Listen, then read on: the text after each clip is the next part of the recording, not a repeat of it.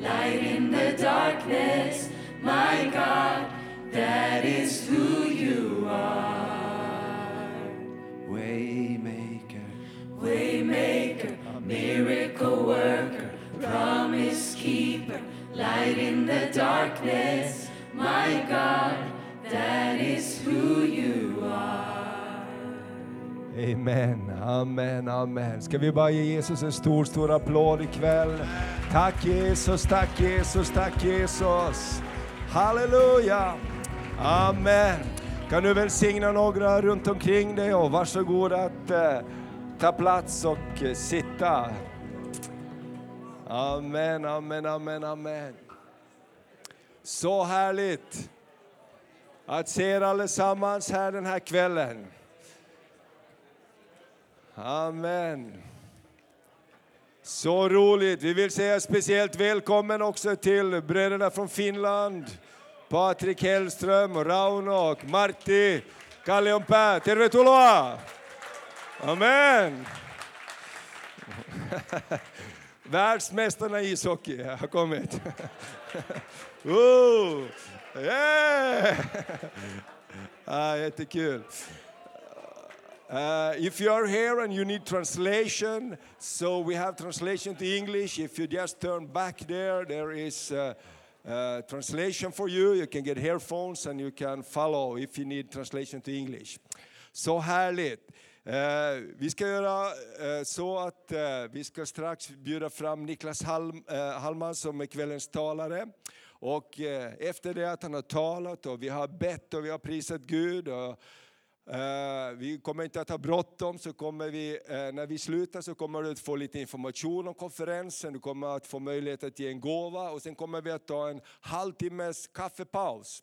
Och eh, sen ska vi få lyssna till vår älskade broder Andreas Westman, underbar broder som Herren har rest upp och har en, en fantastisk kallelse från Gud. Så vi har en härlig kväll framför oss. Så Niklas Hallman, han är pastor i Pingstkyrkan i Jönköping.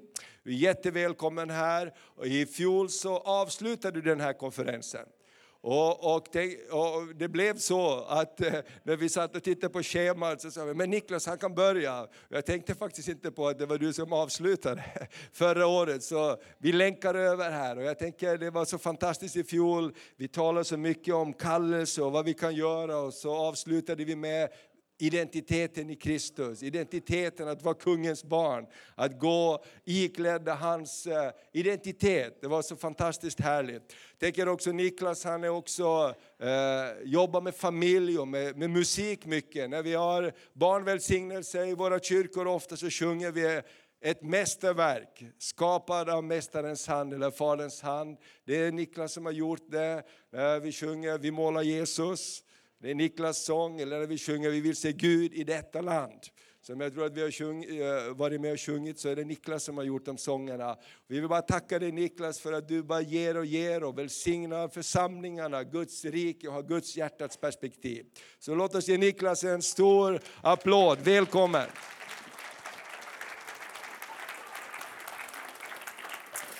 Tack så mycket. Vad roligt att vara tillbaka. Det var ett stort förtroende att få inbjudan hit igen. Eh, jag minns med glädje den varma lovsången och förbönerna, bönatmosfären som rådde här förra året. Det var uppfriskande för mig personligen. Jag är glad att jag fick vara med då och jag har sett fram emot att få komma hit den här helgen. Jag har med mig ett bönämne som, som jag önskar att vi alldeles här mot slutet av den här samlingen ska be för tillsammans. Jag har tagit ett steg under det senaste året. Jag har lämnat min föreståndartjänst i en småländsk pingstförsamling och så har jag eh, blivit barnpastor under det senaste året. Ni kan applådera, men det där var riktigt läskigt för mig. Jag har visserligen viss erfarenhet sedan tidigare, men det är många år sedan. Jag har varit föreståndare i tio års tid och när jag tänkte på min eventuellt vidare karriär inom eh, kyrkligheten så var inte barnpastor på kartan utan jag funderade ju vilken ny församling ska jag bli föreståndare i. Men så upplevde jag att Herren liksom klappade mig på axeln och ledde mig åt det här hållet. Vi som liksom eh, just har, har blivit med en, en, en myndig dotter där hemma, vi har liksom klarat av barnaåren snart. Det, det, vi, vi såg fram emot en tid av frihet och jag har bejakat mina gråa hår. Men jag kunde inte komma ifrån den här tanken. Barn är läskiga. De är inte alls lika väluppfostrade och artiga som ni är här inne utan när man predikar för barn då får man direkt respons. Okay.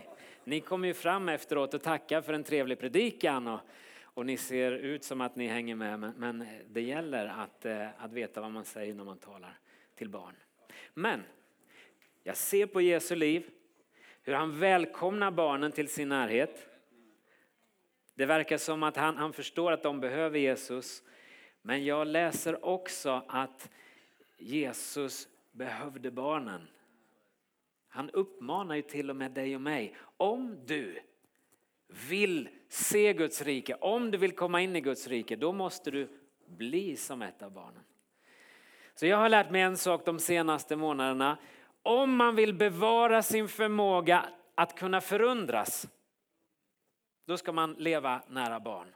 Och jag tror att det var det Jesus insåg. Om jag ska överleva innan korsfästelsen, eh, om jag ska bevara mitt hjärta Eh, frimodigt och fritt och levande, om jag ska bevara min förmåga att förundras, då behöver jag också leva nära barnen. Vi ska återkomma till det strax.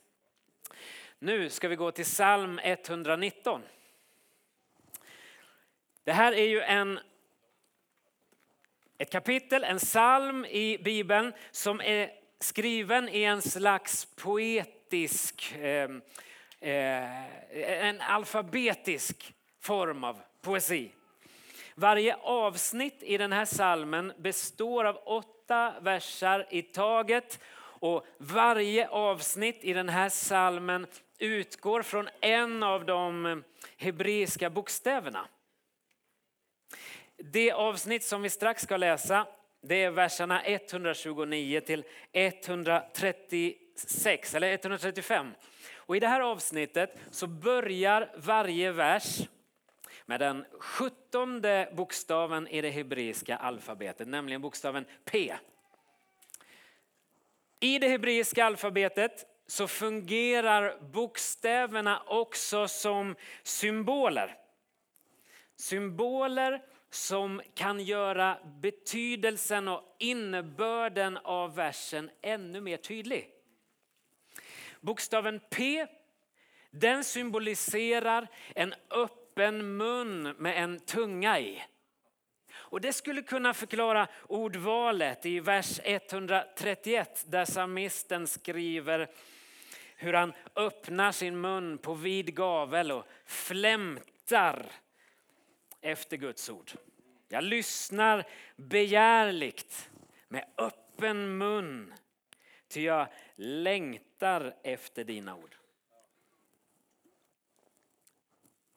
Nu tänkte jag så här, att det kunde vara effektfullt om ni lyssnar på det sättet när jag strax läser det här bibelavsnittet. Jag tänkte att ni lyssnar med eran mun på vid gavel. Okej? Okay? Jag läser, ni står för flämtandet av, med, med en öppen mun. Låt mig se. Ni förstår själva att jag kan inte göra båda sakerna samtidigt. Jag kan inte både läsa och hålla min mun öppen. Det är mycket svårt att läsa med en öppen mun. Öppen mun. Öppen mun. Lyssna till psalm 119. 129 och framåt.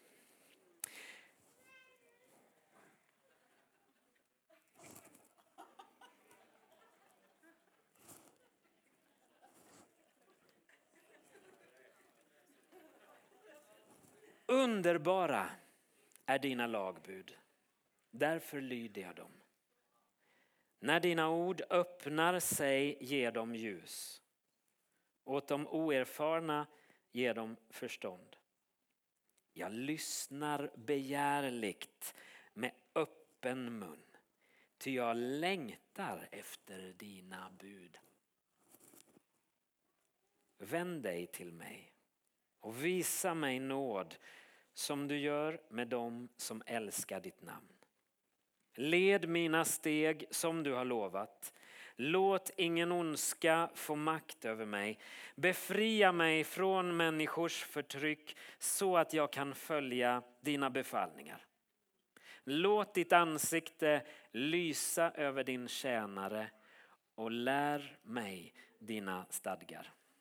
Jag lyssnar begärligt, ty jag längtar efter dina ord. Okej, okay, amen. Ni kan stänga munnen. Jag lyssnar begärligt. Jag längtar efter dina ord. Idag vill jag tala om vikten av att lyssna med längtan och begär efter Guds ord. Om vi läser Bibeln nonchalant eller med förutbestämda uppfattningar då kommer vi märka att ordet är stängt för oss.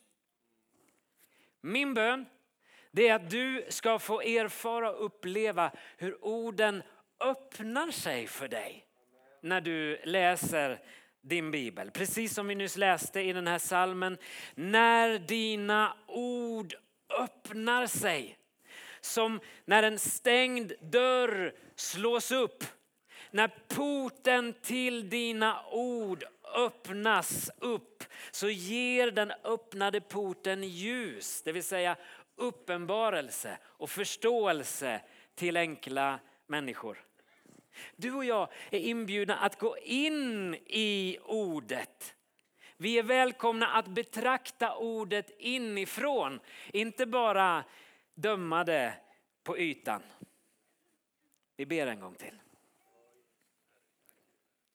Helige Ande, låt oss få uppleva hur ordet, ditt heliga ord, öppnar sig för oss. Vi ber att vi den här helgen, den här kvällen skulle få se ljus stråla fram ur ordet.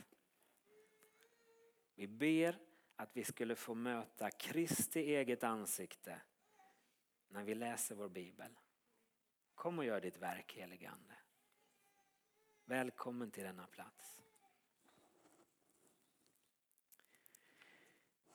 Så får jag fråga dig, hur upplever du din bibelläsning? Är den slentrianmässig och nonchalant? Eller läser du med längtan och begär? Är orden öppna eller är de stängda? För dig. I det här bibelstycket som vi nyss läste så formulerar salmisten en mycket bra bön. Vi byter bild. Han ber på det här viset. Led mig. Vers 133. Led mina steg som du har lovat. Nästa bild. Befria mig. Vers 134. Befria mig från människors förtryck så att jag kan följa dina befallningar. Och vi byter bild. Lär mig. Vers 135. Lär mig dina stadgar. Jag skulle vilja föreslå att du ber den här bönen innan din bibelläsning börjar. När du slår upp din bibel Låt din bön till Gud då vara led mig, befria mig, lär mig. Då kommer du få uppleva hur ordet öppnar sig för dig. Det här är en bön som hjälper dig att lyssna med längtan och begär efter Guds ord. Vi byter bild. Vi tar det från början. Led mig. En bra bön att be innan du börjar läsa Bibeln, det är led mig. Att läsa Guds ord på ett riktigt sätt leder alltid till att du sätts i rörelse. Det händer något av den goda bibelläsningen. Vi byter bild. När Jesus gick fram i Genom landet Israel så väckte han allt mer uppmärksamhet. Nu rådde oenighet mellan folkhopen och de religiösa fariseerna. Man var oenig huruvida Jesu gärning och undervisning, alltså det han gjorde och det han talade, stämde överens med skriften. Han måste vara den utlovade Messias, menade somliga. Medan andra frågade sig om Messias verkligen kunde komma från Galileen. Det verkade inte särskilt bibliskt tyckte man.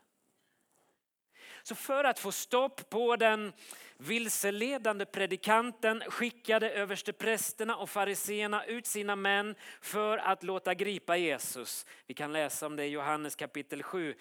Men det gick inte att gripa Jesus. Aldrig har någon talat som han, sa männen när de tomhänta kom tillbaka till Stora rådet. Har ni också blivit vilseledda? fräste fariseerna. Man menade att den stora obildade folkhopen var förtappad. Det finns väl ingen i Stora rådet som tror på den mannen, skrockade man. Men jo, där fanns Nikodemus. Rådmannen som i smyg hade sökt upp Jesus vid ett tidigare tillfälle. Han försökte nu att lugna ner de andra ämbetsmännen när han sa, inte dömer väl vår lag någon utan att man först har hört honom och tagit reda på vad han gör, sa Nikodemus. Det är ett mycket klokt förhållningssätt.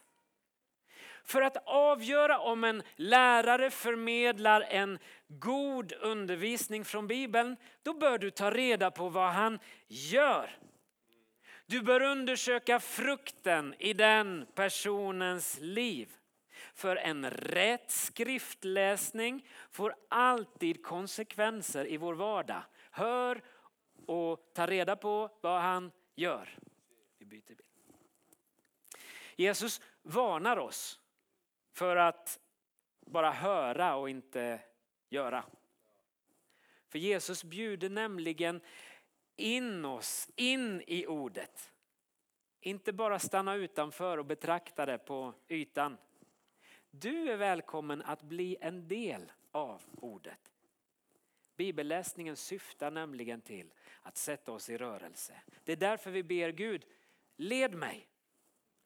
Visa mig hur jag kan glädja ditt hjärta idag. Du förstår, det funkar inte att läsa Bibeln som om den vore något slags faktabok där svaren på alla våra frågor levereras svart på vitt. När Martin Luther säger att Bibeln är tillräcklig som vårt rättesnöre så innebär inte det att vi kan handskas med Bibeln som om den vore ett uppslagsverk med svar på alla frågor som vi någonsin kan formulera. Bibeln är en samling av 66 olika dokument. Det är litterära dokument av skiftande genre. Här ryms personliga brev, lagtexter, historia, profetiska texter, poesi och annan vishet. Bibeln täcker inte allt som har hänt. Och inte kan väl en fullständig beskrivning av Gud rymmas i 66 böcker? Nej, Gud är större än så. Det här kan ju vara en smärtsam tanke att påminnas om att av allt som är nedtecknat i Bibeln så finns där ingenting som var skrivet direkt till dig.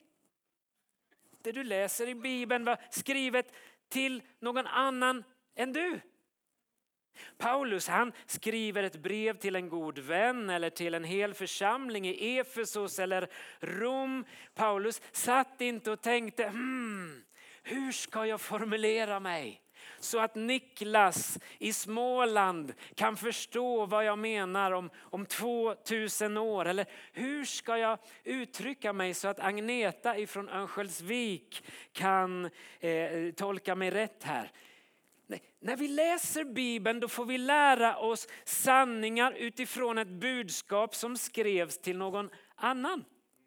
Du får lyssna till svaren på frågorna som de bar på. Och så får du lyssna på frågorna som Paulus eller någon av de andra författarna skriver tillbaka till de ursprungliga mottagarna. Det vill säga, vi kan engagera oss i texten, men den var ju aldrig skriven direkt till oss.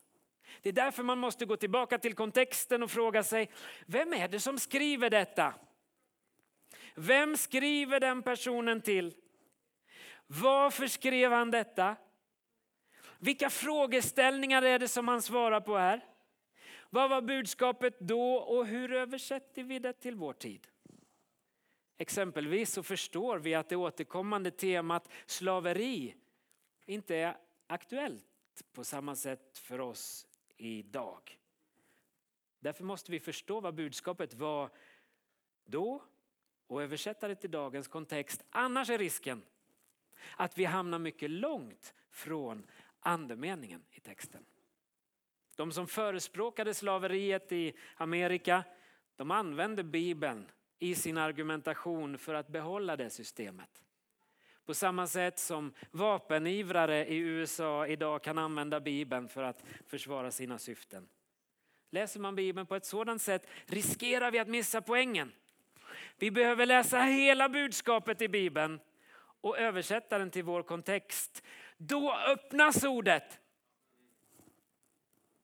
När de religiösa ledarna på Jesu tid använde skriften som en faktabok så missade de poängen. De ställde fel frågor. Medan de var upptagna med frågan om Messias korrekta härkomst så missade de att Messias fanns där i deras närhet. De var väl utbildade i skriften men de levde sitt liv långt från de rum där Gud ville uppenbara sig. Hur påverkade min dag mitt sätt att leva när jag läst om en Gud som är villkorslös i sin kärlek, som inte tolererar orättvisor. En Gud som slåss för änkan, den faderlöse, främlingen. På vilket sätt kan min omgivning läsa av mig och mitt sätt att leva och förstå att jag har läst Guds ord? Jakobs brev 1 och 22 säger bli ordets görare, inte bara dess hörare, annars tar ni miste. Den som hör ordet men inte gör vad det säger, han liknar en man som i en spegel betraktar sitt eget ansikte. Han ser sig själv men går därifrån och har strax glömt hur han såg ut. Min vän, låt din bön vara. Led mig. Låt min bibelläsning sätta mig i rörelse. Bytvilt. En annan bön som är bra att be innan din bibelläsning börjar, det är denna bön. Gud, befria mig. Att läsa Guds ord på ett riktigt sätt gör det lätt att andas.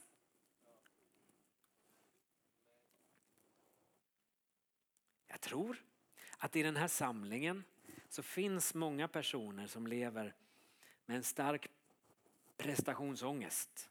Som låter något i stil med, jag borde be mer. Jag borde läsa Bibeln mer.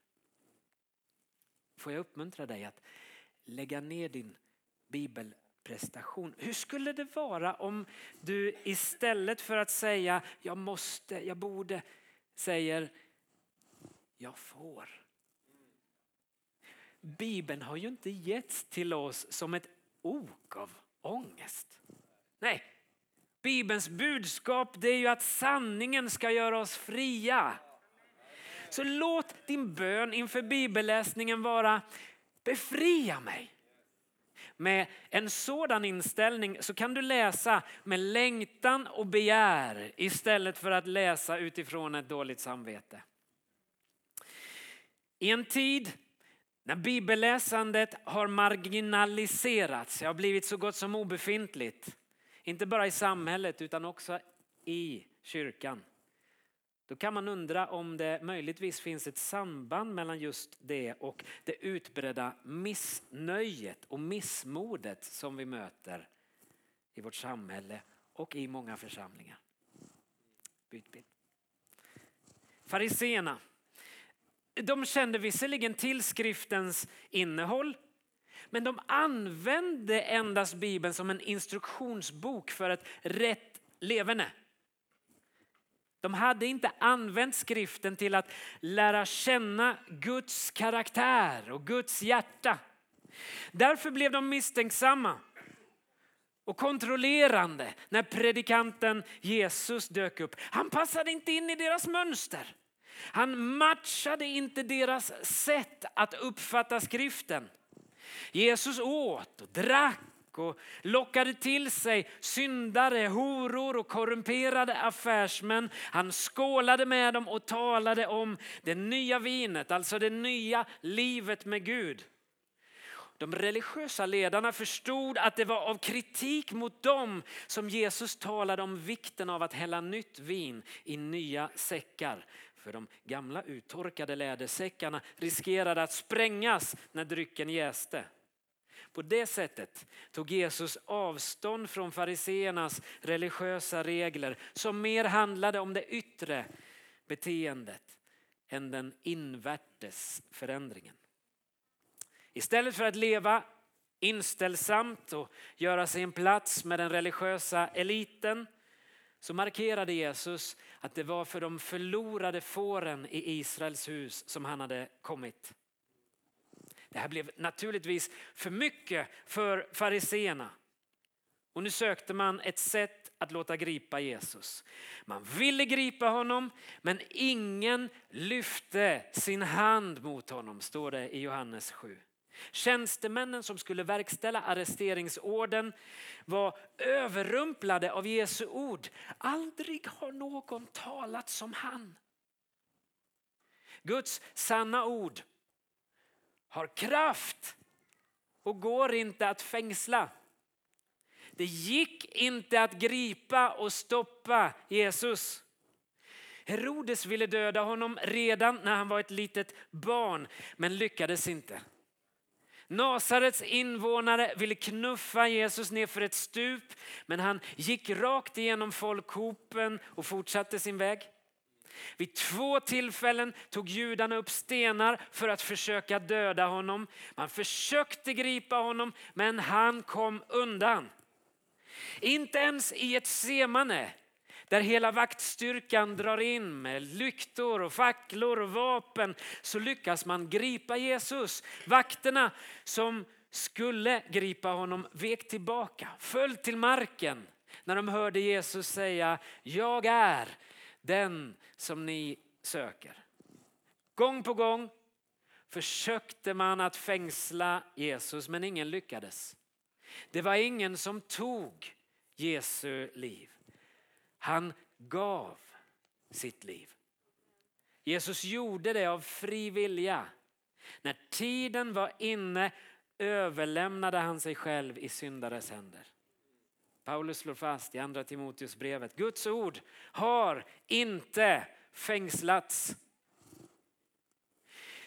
Vi läser inte Bibeln bara för att uppehålla skenet av vår gudsfruktan. Vi läser inte Bibeln för att mejsla fram argument för Guds existens eller för att försvara vår kristna tro. Nej, Guds ord försvarar sig självt. Det heter himmel och jord ska förgå men Herrens ord ska alltid bestå. Guds ord liknas vid ett tveeggat svärd som kan skilja själ och märg, ben och märg och själ och ande. Och det är på det sättet vi läser Guds ord utifrån erfarenheten att Guds ord är kraftfullt och bestående. Vi förstår att vi är inbjudna att gå in i det kraftfältet. Inte bara studera en manual om det fromma livet. Så jag undrar, är din själ av en eller annan anledning förtryckt av människors uppfattning om dig idag. Vi kan byta bild. Idag finns det frihet att få i mötet med det levande ordet Jesus. Den tredje bönen, vi byter bild, som är lämplig att be innan din bibelläsning börjar, det är denna bön. Lär mig. Att läsa Guds ord på ett riktigt sätt leder alltid till djupare vishet. Den som har läst Bibeln under många år kan säkert relatera till upplevelsen att ha läst ett bibelstycke flera gånger. Du känner igen den här versen eller den här berättelsen mycket väl. Men plötsligt upptäcker du någonting som, som du inte har sett förut. Det beror ju inte på att Guds ord har förändrats. Men du har förändrats. Allt eftersom vi växer förstår vi mer. Skriften är densamma, men vi är inte de samma som vi var för tio år sedan. Vi kan mer om världen. Vårt språk har utvecklats. Du och jag vi kommunicerar på ett visst sätt med en fyraåring och på ett annat sätt med en 25-åring. På ett liknande sätt kommunicerar anden med oss på olika sätt och hjälper oss att tolka Bibeln utifrån vad vi är redo för. Förhoppningsvis kommer vi fortsätta utvecklas och förändras. Om du har uppfattat att Gud är underbar och härlig idag så kan din förståelse om hans härlighet fortsätta att växa. Det är min personliga bön. Jag vill lära mig mer. Gud, jag vill se dig ännu härligare, ännu större. Allt i mitt liv pekar i den riktningen. Ju äldre jag blir som kristen, desto innerligare blir min förundran över vem Gud är. Wow! Gud, du är verkligen stor. Det är inte så att Herren har förändrats, men jag har gjort det. Min kapacitet att förstå honom förändras och utvecklas.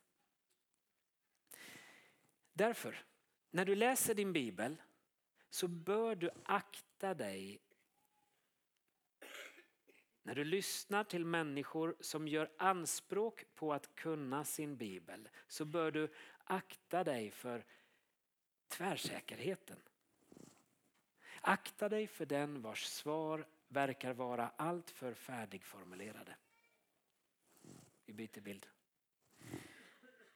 De skriftlärda på Jesu tid de förlitade sig på sin kunskap och sin begåvning.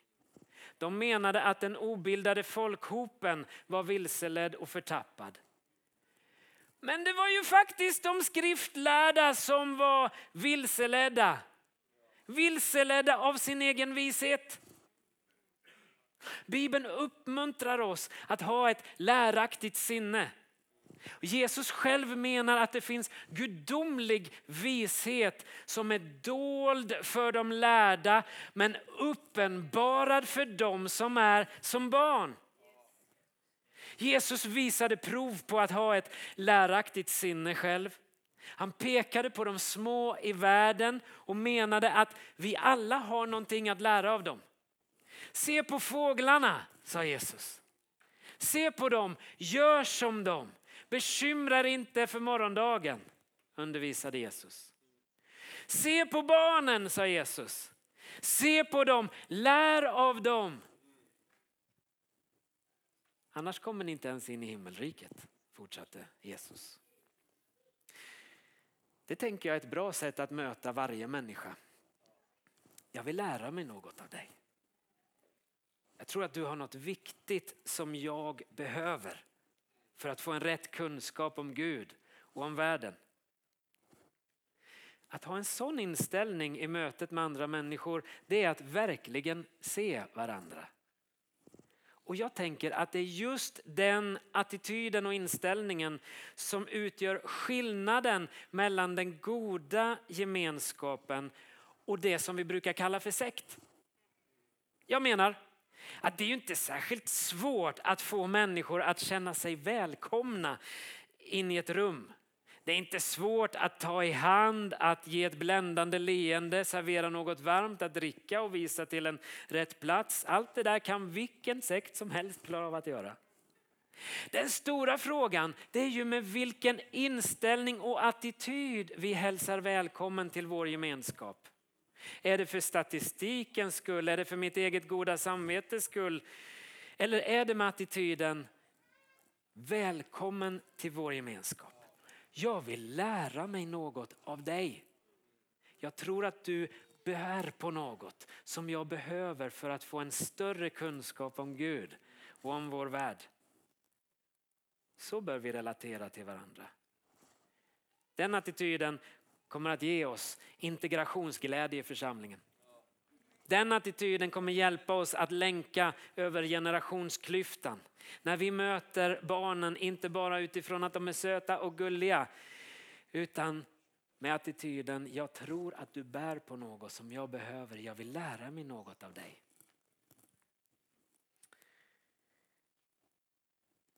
Därför vill jag säga till dig som eventuellt är ny i den här gemenskapen i Kristi kropp. Du, du är viktig här. Du har någonting att lära oss. Det är angeläget för oss att få del av den uppenbarelse som du har av Gud. Vi vill höra din berättelse. Vi vill lära av dig. Och så skulle jag vilja säga eh, till dig som avstår att läsa din bibel just därför att du inte tycker att du har tillräckligt med kunskap eller kompetens. Till dig vill jag hälsa att just det verkar vara en nyckel i bibelläsandet. Guds ord är nämligen stängt för den som anser sig vara fullärd. Men ordet öppnar sig för den som ber bönen Gud, lär mig. Vi byter bild, två upp. Led mig, befria mig, lär mig. Jag tänker att det är en bön som hjälper oss att läsa vår bibel med längtan och begär. Jag tror att vi behöver en ny bibelväckelse, en ny böneväckelse och en ny bibelväckelse i vårt land. Vi behöver en ny passion och lust efter att läsa och leva Guds ord. Innan vi avslutar den här samlingen och möts tillsammans i bön så vill jag visa dig en filmtrailer. Vi kan förbereda det. En, en trailer till en film som heter Barfotarop. Den har spelats in bland annat på Åsens by utanför Gränna under det gångna året. Den här filmen den skildrar en mycket speciell period i Sveriges historia när den helige ande la ner en stark längtan och begär efter Guds ord hos barnen och de unga. Att Gud använder sig av barn och unga människor, det är något som har förekommit vid strategiska tidpunkter genom hela väckelsehistorien. Exempelvis så läser vi om den unge Samuel eh, som levde på tusentalet före Kristus. Han kom ju till judarnas tempel, han växte upp, han var mycket ung när han kom dit och på den tiden var Herrens ord sällsynt. Profetsyner var ovanliga vid den här tiden. Och så fick Samuel, pojken Samuel frambära ett budskap till den gudsförgätne prästen Eli. Det var en tillrättavisning av det allra kraftigaste slag. Herren sa till Samuel, jag ska göra något i Israel som kommer att skrälla i öronen på alla som får höra det. Samuel tvekade länge att berätta det för Eli, men han gjorde det till slut och han dolde inte något för honom. Veckan innan korsfästelsen så läser vi i Bibeln hur barnen omgav Jesus och, och de ropade sitt Hosianna när han red in i Jerusalem och gick till templet för att upprätta det på nytt. Det irriterade prästerna och de frågade Jesus om han hörde vad barnen ropade och vad de sa i templet där. Och Jesus han svarade ja, jag hör.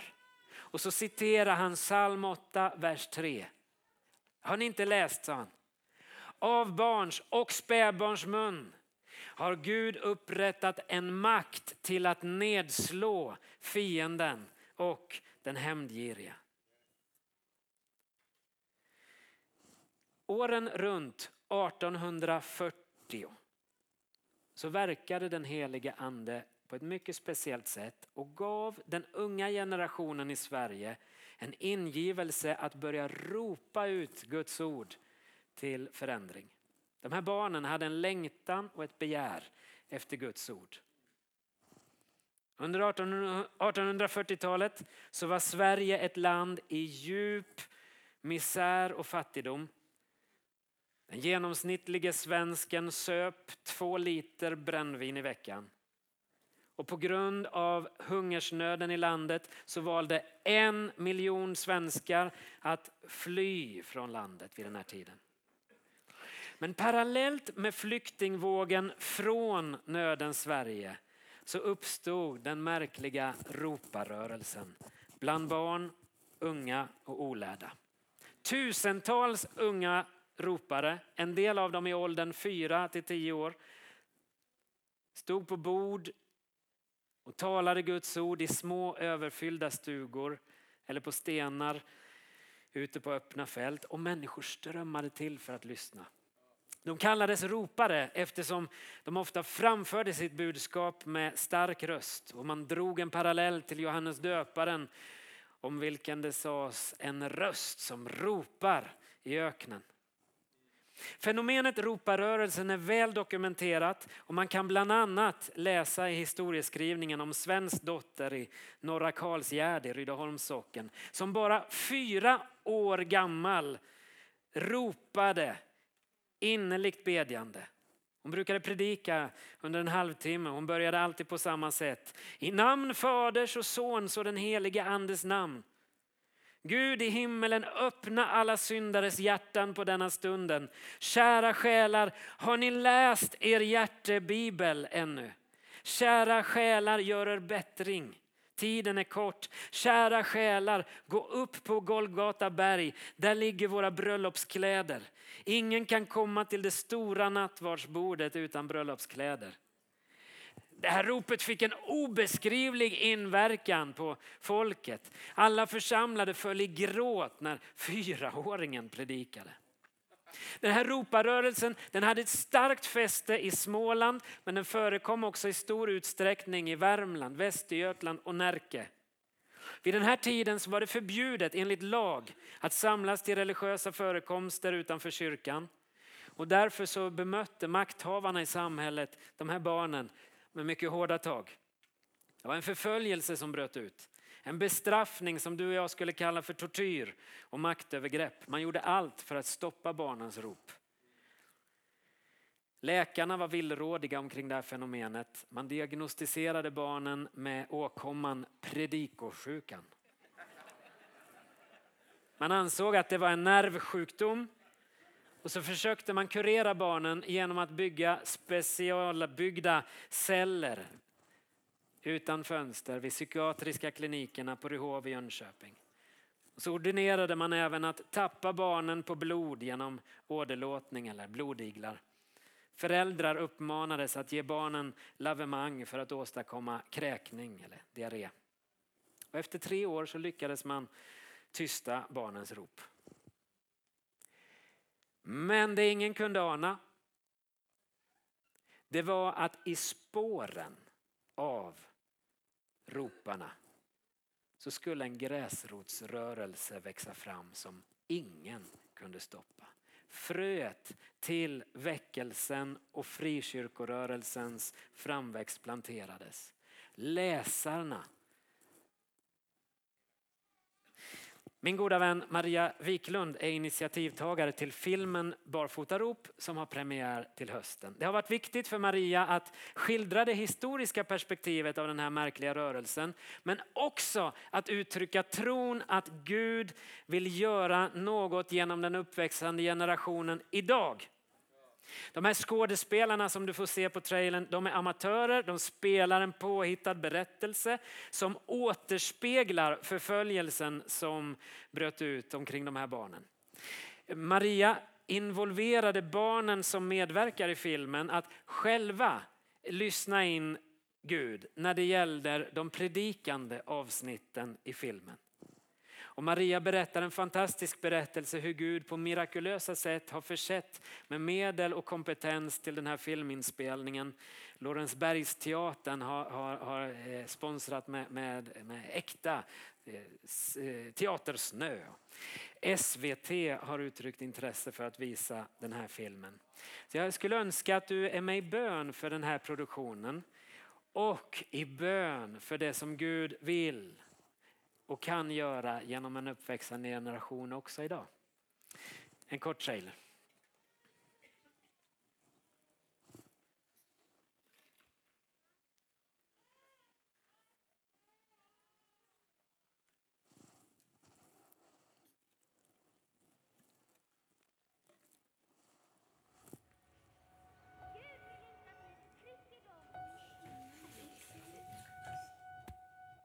Mor, hade en så märklig dröm i natt. Jag tror att Gud kallar på mig. Han kallar på oss. Att visa människorna den rätta vägen.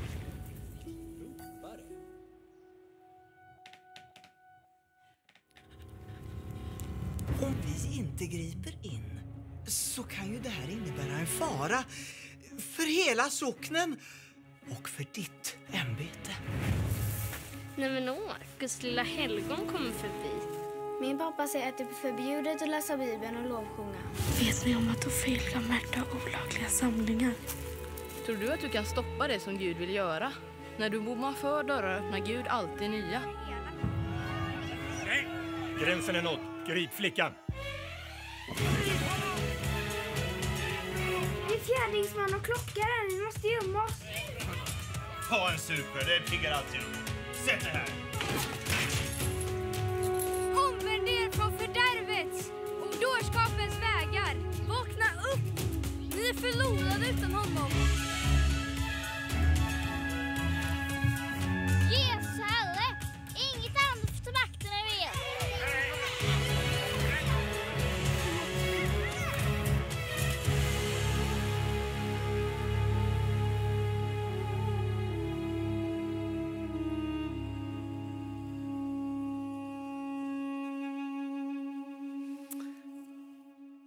Var med i bönen för den här produktionen och låt oss tillsammans be för den uppväxande generationen. Vi ber och tror att modet hos barn och unga än en gång kan måla om Sveriges historia. När nöden drabbar ett land eller ett samhälle, när vi har kommit till slutet av oss själva, när våra resurser är tömda, när vi inte längre förmår att åstadkomma en förändring i egen kraft. Då kan Guds ande verka genom ödmjuka hjärtan.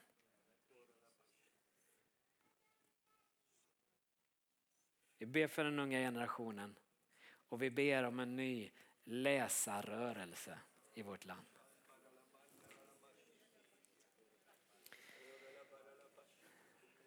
Herre, vi tar fasta på löftet Du är en Gud som håller vad du har sagt. Ta fasta på löftet om andeutgjutelsen de yttersta dagarna. Vi tar fasta på löftet hur din ande ska utgjutas över allt kött. Att våra söner och döttrar ska profetera. Att våra unga män ska ha syner och drömmar ifrån dig. Gud, Låt ditt ord på nytt höras i vårt land. Vi ber för den uppväxande generationen. Vi ber att det inte ska saknas fäder och mödrar som kan leda och skydda, träna och möjliggöra. Jag ber helige Ande att du skulle skickliggöra och utrusta oss var och en här inne att se barnen som finns i vår närhet. Hjälp oss att motivera och inspirera dem att gå längre än vad tidigare generationer har gjort. Och vi förstår helige Ande att du först måste väcka oss. Och jag ber att vi den här kvällen och helgen som ligger framför skulle få uppleva hur du heligande öppnar ordet på nytt för oss.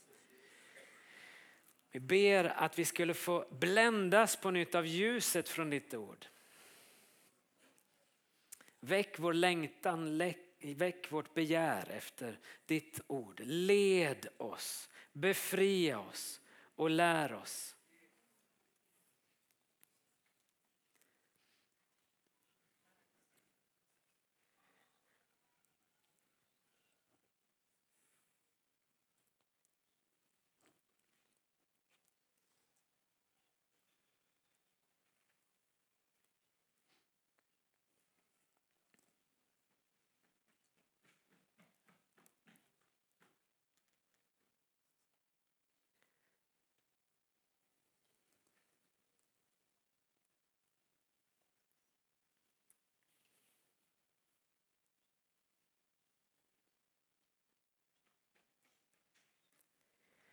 Vi vill se Gud i detta land.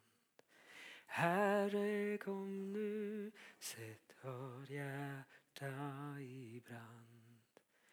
Ifrån norr till söder en förväntan som glöder ifrån väster till öster hörs ett rop från tusen röster och man ber. Vi vill se Gud, vi vill se Gud i detta land. Herre kom nu, sätt vårt hjärta i brand ifrån norr till söder en förväntan som glöder ifrån väster till öster hörs ett rop från tusen röster och man ber. Vi vill se Gud.